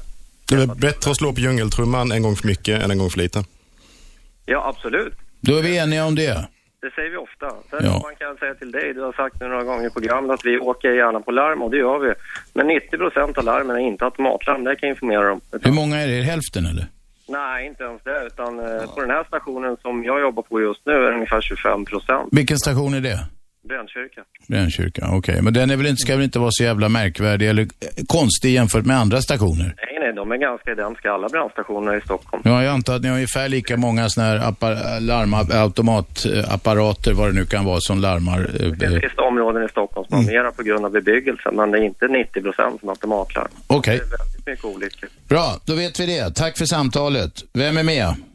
Ja, hej, det här är Myrtel. Myrtel, kom igen. Ja, jag vill bara säga att eh, två gånger har jag ringt efter ambulans när min man eh, som närmar sig 70-årsåldern blev dålig på olika sätt. Det ena visade sig vara en njurstensanfall som gick över av sig själv och det andra var en oklar svimning. Ambulansen kom snabbt och eh, personalen verkade väldigt kunnig och var väldigt lugn. Ena gången bestämdes vi, bestämde vi tillsammans att att han behövde inte åka in. Andra gången åkte vi in. Men eh, sen blev jag sjuk en annan gång. Då skjutsade min man in mig. Jag var riktigt dålig. Och då fick jag uppleva skräckupplevelsen att ligga på akuten i fem timmar. Så ta upp det i ett annat program. Ja. Det är mardrömmen. Jo, men det, det, de gör väl sina prioriteringar där också. Och det görs, begås säkert misstag här och där även på akuten. Det vet de på Socialstyrelsen om inte annat. Verkligen. Ja. Ja. ja men, Men det får vi ta i ett annat program. Okej, ja. Tack Myrtel. Radio 1. Aschberg. Varje vardag 10-12, repris 20-22. Re- eh, Gå in på radio1.se och lyssna om ni inte, har, om ni inte befinner er inom det här etertäckningsområdet som är Storstockholm, upp till Norrtälje och ungefär lika långt söderut. Ni kan lyssna på telefon och app också. Jag heter Aschberg. I studion har vi Anders Klarström från SOS Alarm och Janne Kauto från ambulanssjuksköterskorna. Ring oss på 0200 11 12 13 om ni vill diskutera ambulansen. Främst i Storstockholmsområdet. Vi har gjort jämförelser med Skåne också där de har dubbelt så många ambulanser per capita som, som faktiskt finns i Stockholm. Vilken är den, eh, om vi bortser från den kritikstorm som har, som har kommit nu då, den, den- senaste tiden mot SOS Alarm, vilken är den vanligaste kritiken ni får till vardags så att säga? Ja, när det gäller vårdfrågor så är det ju att man inte får den resursen man trodde att man hade liksom rätt att få. Vi har betalat landstingsskatt, nu är det dags att betala tillbaka. Jag vill ha en ambulans. Det är till exempel ett argument som dyker upp. Utan att man har för höga förväntningar på vad liksom är nivån för att få åka en ambulans. Och vi- vilken är nivån för Det är, att åka omöjlig, ambulans? det är en omöjlig fråga att svara på. Symptomen enligt det här checklistan vi pratade om, det är det som avgör om det är ambulansnivå som, ambulanssjukvård som är rätt nivå. Det kan vara att gå till vårdcentralen nästa dag. Jo, men vad står överst på checklistan? Ja, men det är livshotande tillstånd, hjärtstopp, akuta blödningar, medvetslöshet och så vidare. Mm. Och sen går det neråt så att säga? Ja, eh, det finns ju tyvärr allmänhet som tror att, du sa fluga i ögat, det är inte aktuellt, men, men att det kan vara väldigt små sår och annat som gör att man måste få åka ambulans, tror man. Men det kan vara något helt annat, att man tar sig till sin vårdcentral till exempel. Man kan ju också ta perspektivet och titta. I London körde man en eh, annonskampanj för ett år sedan. When do you go to, with the ambulance? When do you go with the taxi? Mm. Där finns ett par exempel att om du har större blödningar, du har hjärtstopp, eh, jobbigt med andningen, då åker man ambulans. Men har du brutit fingret eller en sticka eller du har ont i magen som du har haft i tre veckor eller huvudvärk som du har haft i tre veckor, då åker du taxi. Men jag måste säga att eh, jag vet inte, jag tycker bland bekanta och så här i allmänhet folk eh, drar sig in i det längsta för att ringa efter ambulans om man är dålig. Det tror jag är det vanligaste. Jag tror inte det vanligaste är att folk är gnälliga. Ja, det är inte frågan om gnällighet, utan det är frågan om att man har höga förväntningar. Men det är precis som du säger Robban, att det är många som borde åka ambulans men som inte ringer. Framförallt många äldre. De drar sig för att ringa nödnumret. De vill inte besvära samhället och där har vi ett informations informationsbehov att berätta för äldre att man bör ringa 112 när man känner sig väldigt dålig och upplever olika symptom som man inte haft tidigare. För äldre ringer inte i onödan. Och där är du inne på något intressant Anders. Det är så här att ambulanssjukvården och sjukvården i sig jobbar ju väldigt lite preventivt. Vi är väldigt lite förebyggande arbete. Ute i skolor, informerar, pratar. Vad gör man? Vad är en ambulans till för? Vad gör akuten? Vad gör vårdcentralen? Hur ska vi hjälpa oss till att hjälpa varandra? Mm. Det jobbar man ju knappt med någonting med. 0200 11 12 13 om ni vill diskutera ambulanssjukvård eller ställa frågor till Anders Klarström från SOS Alarm som har fått svidande kritik den senaste tiden. Det är sex fall som utreds nu av Socialstyrelsen. Det mest berömda är förstås Emil Linell, 23, som vädjade gång på gång om att få en ambulans och sen lämnades att dö. Eh, som det ser ut, helt i onödan. Han hade kunnat få hjälp på, sjuk, eh, på, på sjukhus. Eh, Flera landsting har eh, börjat byta från SOS Alarm till andra. Vad gör ni åt det på SOS Alarm? Snart eh, har ni ingen pinne att sitta på om, om utvecklingen skulle fortsätta så här.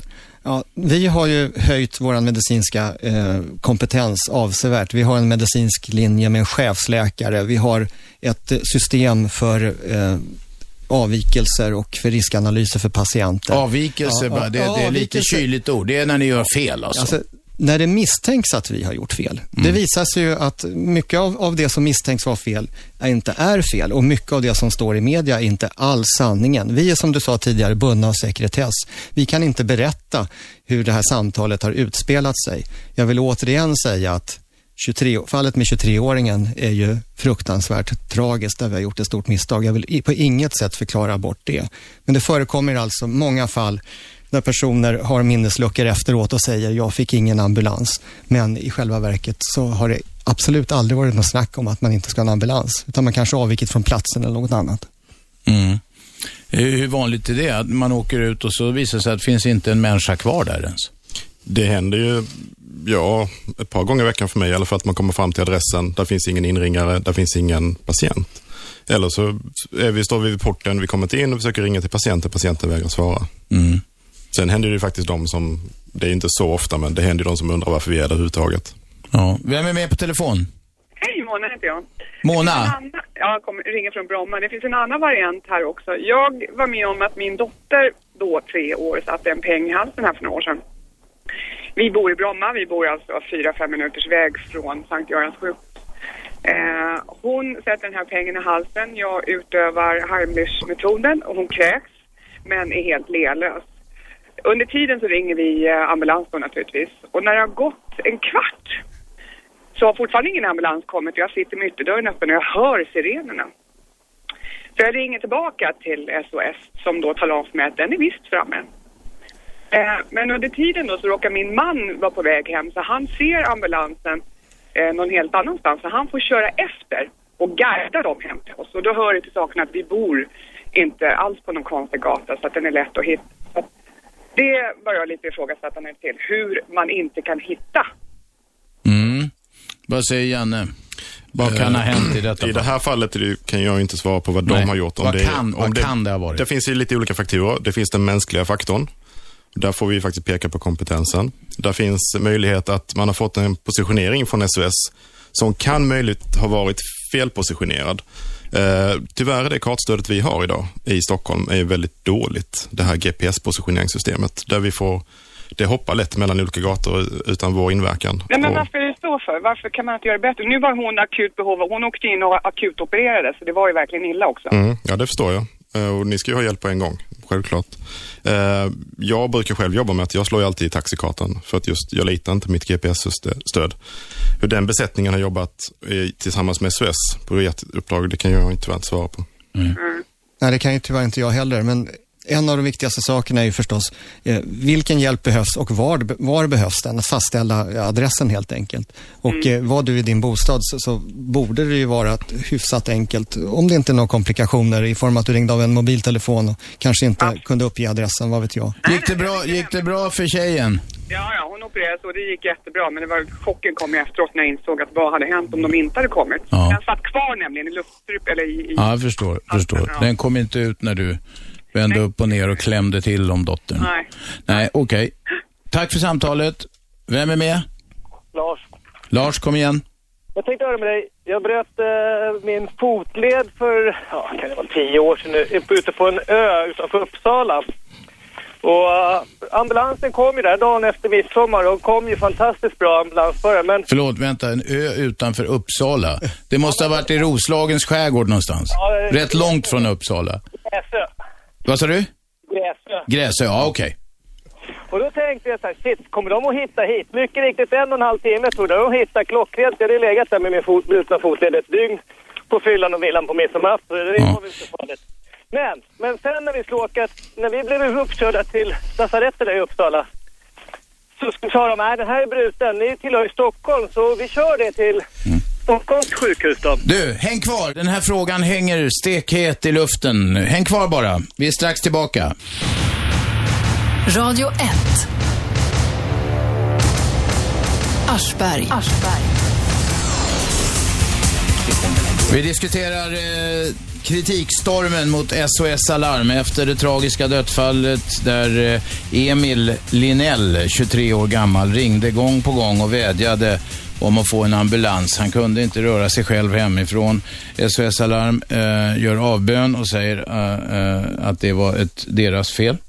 Eh, Det finns flera andra fall som utreds nu av Socialstyrelsen. I studion har vi Anders Klarström från SOS Alarm och Janne Kauto som representerar ambulanssjuksköterskorna. Och med på telefon hade vi, var det Lars? Absolut. Kom igen Lars, du hade varit på fyllan och villan och brutit fotleden. Fotleden och legat i... Vänta då, du garvar, men fatta att folk blir sura ibland när folk gör illa sig på fyllan. Absolut, och det Mm. gör de på när de kör fort också. Det är Ja då. om man ska eh, tänka och tänka. Okej, du var på fyllan och villan ute på Gräsö, bröt fotleden, kom till, vad var det, Uppsala?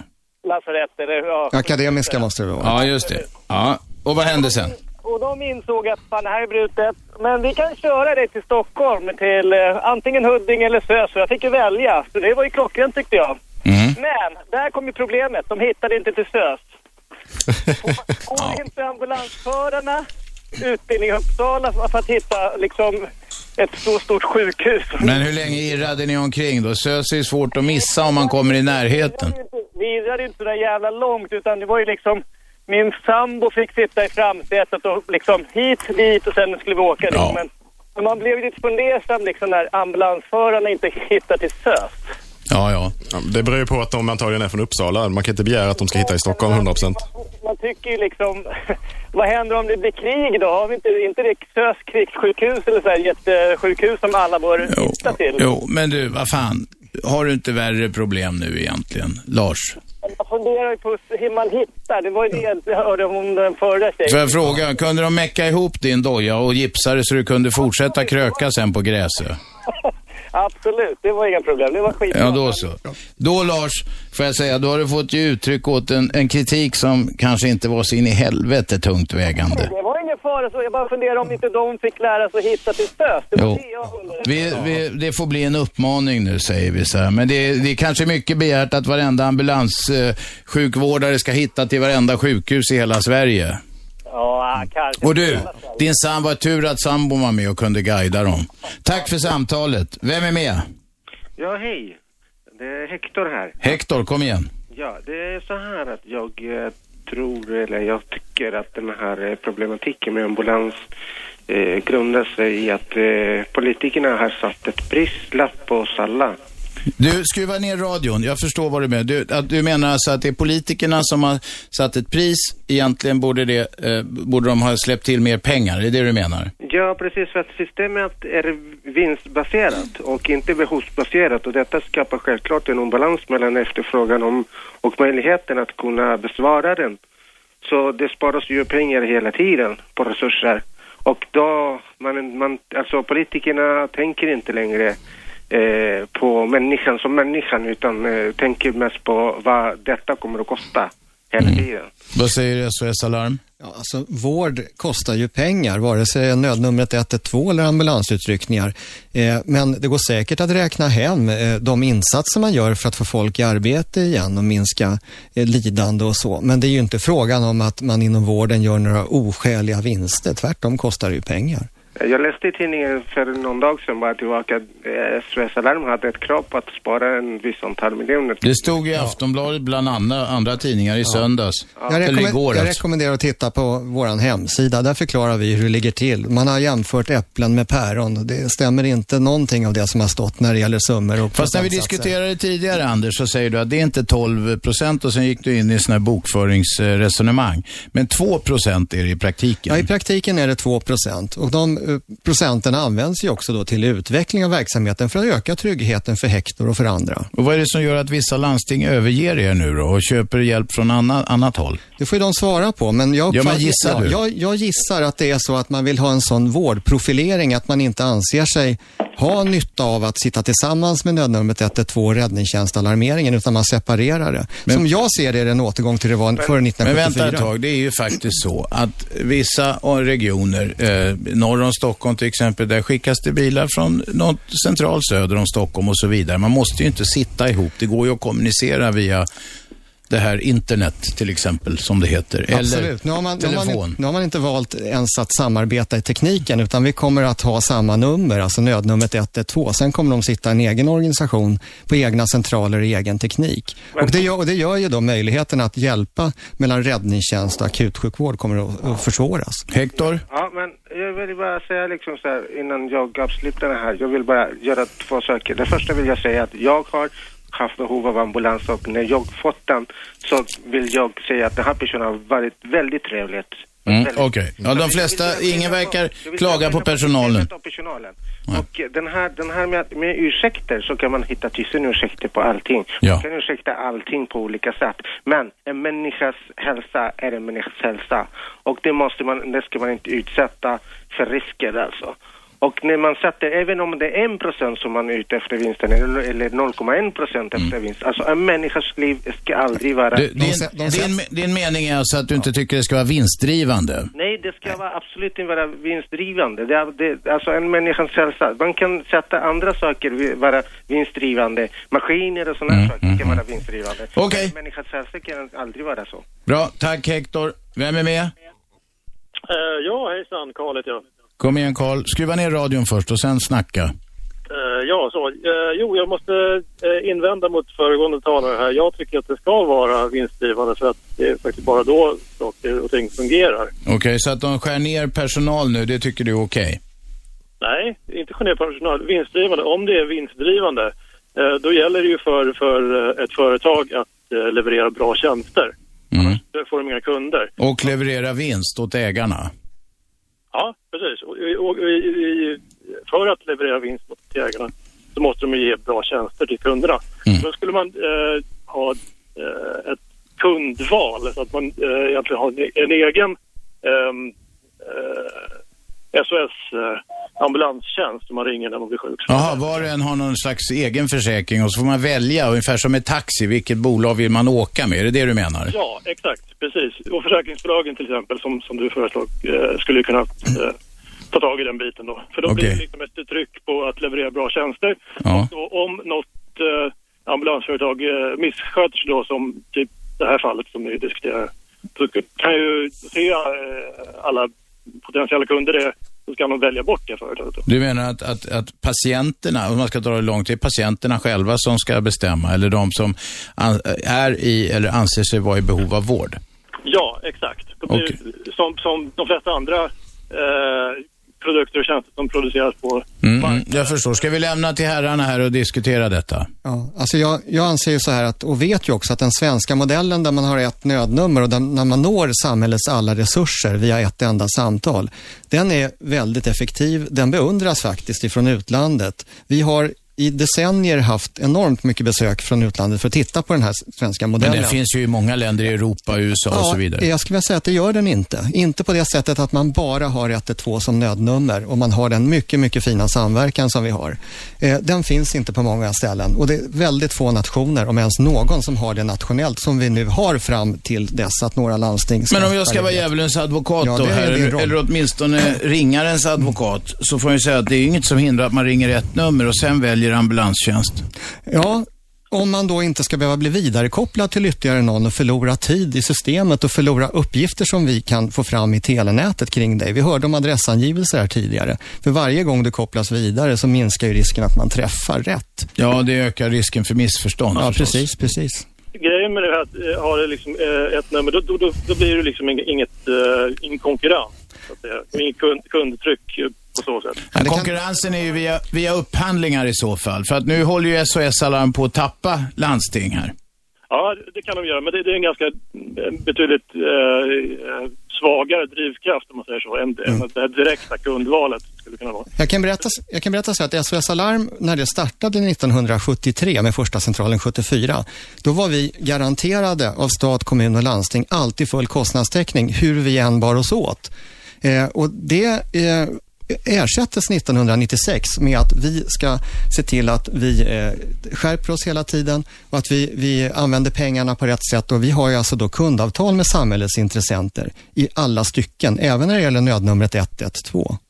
Ja, okej. Ja, det, det finns säkert ett, ett visst eh, då, tryck på att ni måste sköta er, men, men jag tror absolut inte att det kan mäta sig med det direkta... Okej, eh, Okej, du vill ha ett system där kunden själv bestämmer, även om ambulans. Jag får bara inflika. Saker som är gratis, de kommer alltid att missbrukas. Eh, om man tar exemplet med taxi som var uppe här förut. eh, jag menar, det är inte så, inte så jättemånga som eh, ringer efter taxi i onödan när de inte vill ha någon. Och så säger de bara, "Nej, jag skiter i det sen när taxin kommer. Då kostar det pengar. Och, men är det gratis med ambulans, då kommer många missbruka. Det där stämmer ju faktiskt väldigt väl. Eh, Det är ofta vi kommer fram till patienter som vi säger att du behöver inte åka ambulans, men du kanske behöver åka in till sjukhuset. Och då får vi till svar av en del kunder då, om vi uttrycker det så, eller patienter, att men det är gratis att åka med er. Eh, Det Ja. kostar ju att åka taxi. Så jag håller helt med dig. Det, ambulanstjänsten ska kosta lika mycket som att åka till akuten. Janne, håller du med om också att det ska vara fri marknad? Nej. Får jag säga, om inte jag missminner mig så är det så att Jämtlands läns landsting faktiskt har en patientavgift för att få åka ambulans. Ja, det finns fler landsting också som har det. Ja, är det något ni förordar? Janne, Ja, du ja, som är jag på plats nere på golvet. En patientavgift. Ja, det kanske inte är orimligt. Ja, tack för samtalet. Vi tar en ny ringare. Vem är där? Ja, hej, det är Kåre. Jag sitter och kör bil här. Kåre, kom igen. Jag kommer att tänka på med ambulanser där, som eh, att man ska få välja sin egen. Det, det blir ju jättekonstigt med en olycka med fem bilar och alla ska ringa varsin. Och... Ja, det finns väl, det kan lätt uppstå en del logistiska problem som det heter, ja. Ska inte tro det funkar så bra nu. Ja. Ja, var är det hela? Ja, vidare i trafiken. Ja. Ja, ja, kör försiktigt. Radio 1. Aschberg. Vi diskuterar SOS Alarm som har fått svidande kritik. En riktig kritikstorm har drabbat SOS Alarm senaste tiden efter eh, ett tragiskt dödsfall och flera andra eh, märkliga eh, fall som utreds av Socialstyrelsen just nu faktiskt. Vi får se var de hamnar. Anders Klarström är här, han representerar SOS Alarm och Janne Kauto som representerar ambulanssjuksköterskorna. Eh, vi har med oss på telefon. Hallå? hej. John är med va? Jajamensan. det Kom igen. bra. Ja, jo, jag har bara en, en kort fundering här. Ehm, de patienter som nu ringer ambulansen i onödan, skulle man kunna tänka sig någon slags straffavgift för det? Alltså jag vet att det låter väldigt morbid, för i vissa fall är det säkert gränsfall. Men, men just i uppenbara fallen när man typ har lite ont men ändå kan ta sig själv. Men vem skulle avgöra vad, som- vad som är rätt och fel där menar du? Vad sa du? Vem skulle i så fall avgöra om straffavgift ska utdömas eller inte? Antar jag. Vad sa du? Ambulanspersonalen antar. Ja, det har jag svårt att tro att de skulle vilja ha ett sådant system. Vad säger Janne? Eh, där finns ju räddningstjänst och polis har väl tillämpat någorlunda det här med falsklarmsparagraferna. Eh, paragraferna. Då kan man ju döma, men då är det ju, går det mer på polisanmälan och hela rättsprocessen på det.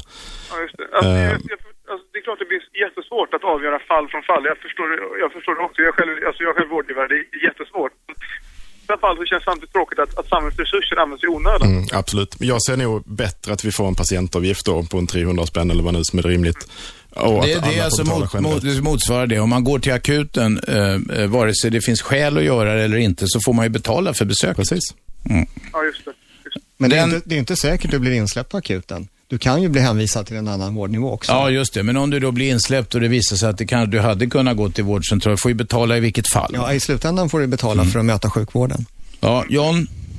Ta, tack så mycket. Okej, tack hej. 0211 12 13, vi går in på slutspurten. Det är ungefär sju, kanske åtta minuter kvar av detta program där vi diskuterar SOS Alarm som har fått svidande kritik den senaste tiden. 0211 12 13 om ni var med i slutspurten här. Vi har Anders Klarström från SOS Alarm här och Janne Kauto som är ambulanssjuksköterska, eller skötare heter det kanske, när det, jag vet inte. Hur är det med det här? Sjuksköter, vad säger ni? Jag vet vad jag har min könstillhörighet. Jag kan säga att min legitimation står för sjuksköterska. Den Ja, ja, kvinnliga ja. formen. Ja, okej, det kallas sjuksköterska. För obero- skötare för mig är psykiatri. Jaha, okej, så är det. Vem är med på telefon? Ja, god morgon. Det är Lennart här. Historie-Lennart, jag har väntat på dig. Ja. Kom igen. Vad trevligt. Jo, hörru du, jag tänkte höra med honom, eh, ambulansföraren. Janne, ja. Om, eh, det är ju så att man, det figurerade pressen tidigare för att ambulansförare och personal oft, kan ofta bli utsatta för våld från eh, patienter eller anhöriga. Mm, dagligen. Hur håller det sig med tryggheten och säkerheten i ert arbete? Det vore intressant att höra om det har vidtagits åtgärder för att förbättra situationen. Vi får höra Janne. Janne. Eh, jag kan säga att det är riktigt dåligt för vår säkerhet. Eh, det enda som är våran säkerhet, är oss själva. Vi får ingen möjlighet via SOS, eh, dels på grund av lagstiftningar, avtal och så vidare, så kan de inte flagga farliga adresser eller farliga personer. Precis som polisen har ju, att de flaggar ju farliga individer och platser. Det får inte vi göra. Vi får inte bolla med polisen heller att eh, den här personen, personen är eh, potentiellt farlig eller liknande. Då måste de åka fram och titta själva. Jo, det kan jag förstå att det finns personer som kanske är farliga till sin läggning, men det kan ju också vara så att det är ovidkommande personer som är beskedliga plötsligt genom sjukdom eller någon framkallande av sjukdom kan bli aggressiva och missförstå er alltså. det handlar väl en del om psykologi då Men, kanske? men, men om eh, våra SOS-operatörer upptäcker att det här är någon som behöver vårdbehov, det är ambulanssituation, men man uppfattar redan i samtalet att det är en hotfull situation, då får ju ambulansbesättningen reda på det och det förekommer ju också att man ibland inte kan åka till patienten, alltså komma in till patienten för en polis finns på plats. Det förekommer ju, fast det är inte så vanligt. Ja, det är nog vanligare än vad du tror, Anders. Är det? Ja. Och vilka fall är det då? Alltså, vi kan ju bedöma, vi får ju en text från SOS eh, vad ärendet gäller. Eh, då kan vi vara att de håller på att skada sig själva eller liknande. Och då får vi ofta faktiskt kontakta polisen att ta en bedömning med dem, att de skickar en patrull med för vår egen säkerhet och patientens säkerhet. Ja, just det. Jo, men det var intressant att få besked. Tack ska ni ha. Tack. Ja. Hej, hej, hej. Tack, tack så mycket. Ja, okej. Lennart, är du klar? hej, hej. Jag, jag är klar. Ja, vi har tid med några samtal till på 0211 12 13. Du Robban, Ja. får jag säga så här att eh, vi är ju väldigt måna om att man ska lita på att man får hjälp när man ringer nödnumret. Och du sa ju den storm och kritik som är mot SOS Ja. Alarm och så. Det, det, så är det ju verkligen. Det är ett mediadrev eh, mot oss. Ja, folk Och- är sura. Det är men inte bara alltså- journalisternas man, fel. Man ska ha högt förtroende, man ska ha höga krav på nödnumret. Men vi vill verkligen tala om att allmänheten ska ringa 112. Det, jag träffade ett, ett gäng pensionärer i förra veckan. De var jätteoroliga för de hade läst i tidningen att man kanske inte fick hjälp om man ringde. Så att i de allra, allra, allra flesta fall så får man absolut den hjälp man behöver. Det får man förhoppningsvis. Eh, vi har med någon på telefon. Vem är där? Ja, hejsan, Eva Öberg heter jag. Eva, kom igen. Jo, det är så att jag eh, körde taxi också en gång i tiden, men så fick jag in en kvinna i Tyresö som var i sjunde månaden och hade verkar. Och eh, sen blev hon sämre när vi kom ner till Hammarbyhamnen och där var det stopp. Eh, det var rödlyse men inga, inga, ingen trafik i, i de andra vägriktningarna. Så jag slog på varningsblinken och eh, blåste om eh, de som stod vid rött ljus och på fel sida av refugen och sen till slut kom vi fram till Nacka sjukhus och eh, hon klarade sig in där. Ja. Och, och hur vi... Det var väl rådigt gjort av dig? Nej, men det, det jag undrar liksom, för jag tog en chansning. Eh, skulle jag ha åkt fast? för en sån sak? Ja, men då hade, ja, då hade du förmodligen blivit friad sen, därför att nöd går före rätt. Men man ska heller inte äventyra sin egen säkerhet. Nej, nej, man får ju göra det under mycket kontrollerade former såklart och inte börja köra som en dåre. I det här fallet så var det väl rådigt gjort och inget Ja. hände, så det Ja. var väl bra. Med facit i hand kan vi säga att det var lyckat. Ja, det gäller viss omtanke för sina medmänniskor. Ja, nu, nu blev jag lite paff. För jag hör eh, i bakgrunden att jag är med i radion. Det visste jag inte. Jag trodde att, Varför ringde du det här numret då undrar jag? nej, jag trodde att jag skulle komma till någon sluss först. Nej, vi kör inte med slussar. Här är fritt fram. Men om det kommer någon, om någon idiot börjar orera så fimpar jag dem direkt. Så enkelt är det. Ja, ja, ja, Men du fick utrymme. Ja, tack ska du ha då. Ja. Men Det är bra, för då vet ju flera chaufförer det kanske. Ja, men man ska nog vara försiktig när man kör, börjar köra på trottoarer och fel sida av vägen. Med det sagt så är det också så att nöd går före rätt. Är det en nödsituation så får man eh, bryta mot regler och bestämmelser. Man kanske till och med bör göra det, man, men man ska inte utsätta sig själv för, för, eller andra för fara. Nej, självklart inte. Nej, Mm. nej. Okej. Bra. Tack ska du ha. Tack. Ja. Hoppas det slutade lyckligt det där. Men det gjorde det kanske lät om man så. kom Det till ju sjukan. Det lät ju så. Jag vet inte, hon kanske inte följde upp det där fallet. Men att man får verka i sjunde månaden händer väl kanske både en och två gånger om dagen. Säkerligen. Numera så ska väl det statistiskt sett gå ganska bra i alla fall. Janne som är ute och kör och eh, Anders, så ska, ska, jag hörde i pausen och ska snacka, Anders ska åka med för det är många år sedan han åkte vanlig ambulans. Ja, Janne erbjöd mig att åka med ett pass och eh, det är många år sedan jag åkte vanlig ambulans. Så det ska jag göra för att höja min egen kunskap. Det kanske kan vara bra, bra att göra det någon gång emellanåt. Janne, du får sista ordet här. Ja, jag tänkte faktiskt efterlysa, var är politikerna i diskussionen? Var är våra tjänstemän som faktiskt tar besluten och gör underlaget för vårt arbete? Var är de i diskussionen? För det är yt- de är ytterst ansvariga, anser jag. Mm, det är de som ska sitta och hålla på pengarna och de hukar gärna när det blir en sån här kritikstorm. Ja, det är ju inget ovanligt. Det gäller de flesta områden i, i samhället. Eh, var är politikerna? Träd fram. Det är ditt sista, sista ord här. Faktiskt. Kom och möt oss i verksamheten. Ja, därmed ska vi börja runda av för dagen. Tack alla ni som har ringt. Eh, Tack Anders Klarström. Tack Janne Kauto. Tackar. Imorgon, mina damer och herrar, så kommer ingen mindre än Susanna Alakoski hit. Eh, Det är hon som har skrivit bland annat Svinalängorna och en rad andra böcker. Eh, Svinalängorna blev mycket populär film senast. Och vi kommer bland annat att diskutera begreppet klass det svenska klassamhället. Det är något som många inte vill tala om. En del anser till och med att det inte är något klassamhälle längre. Jag undrar vad de har, om de har ögonen med sig när de är ute och går på gatan. Eh, det var allt för idag. Vi ses imorgon som varje vardag mellan 10 och 12. 101,9 Radio 1. Sveriges nya pratradio.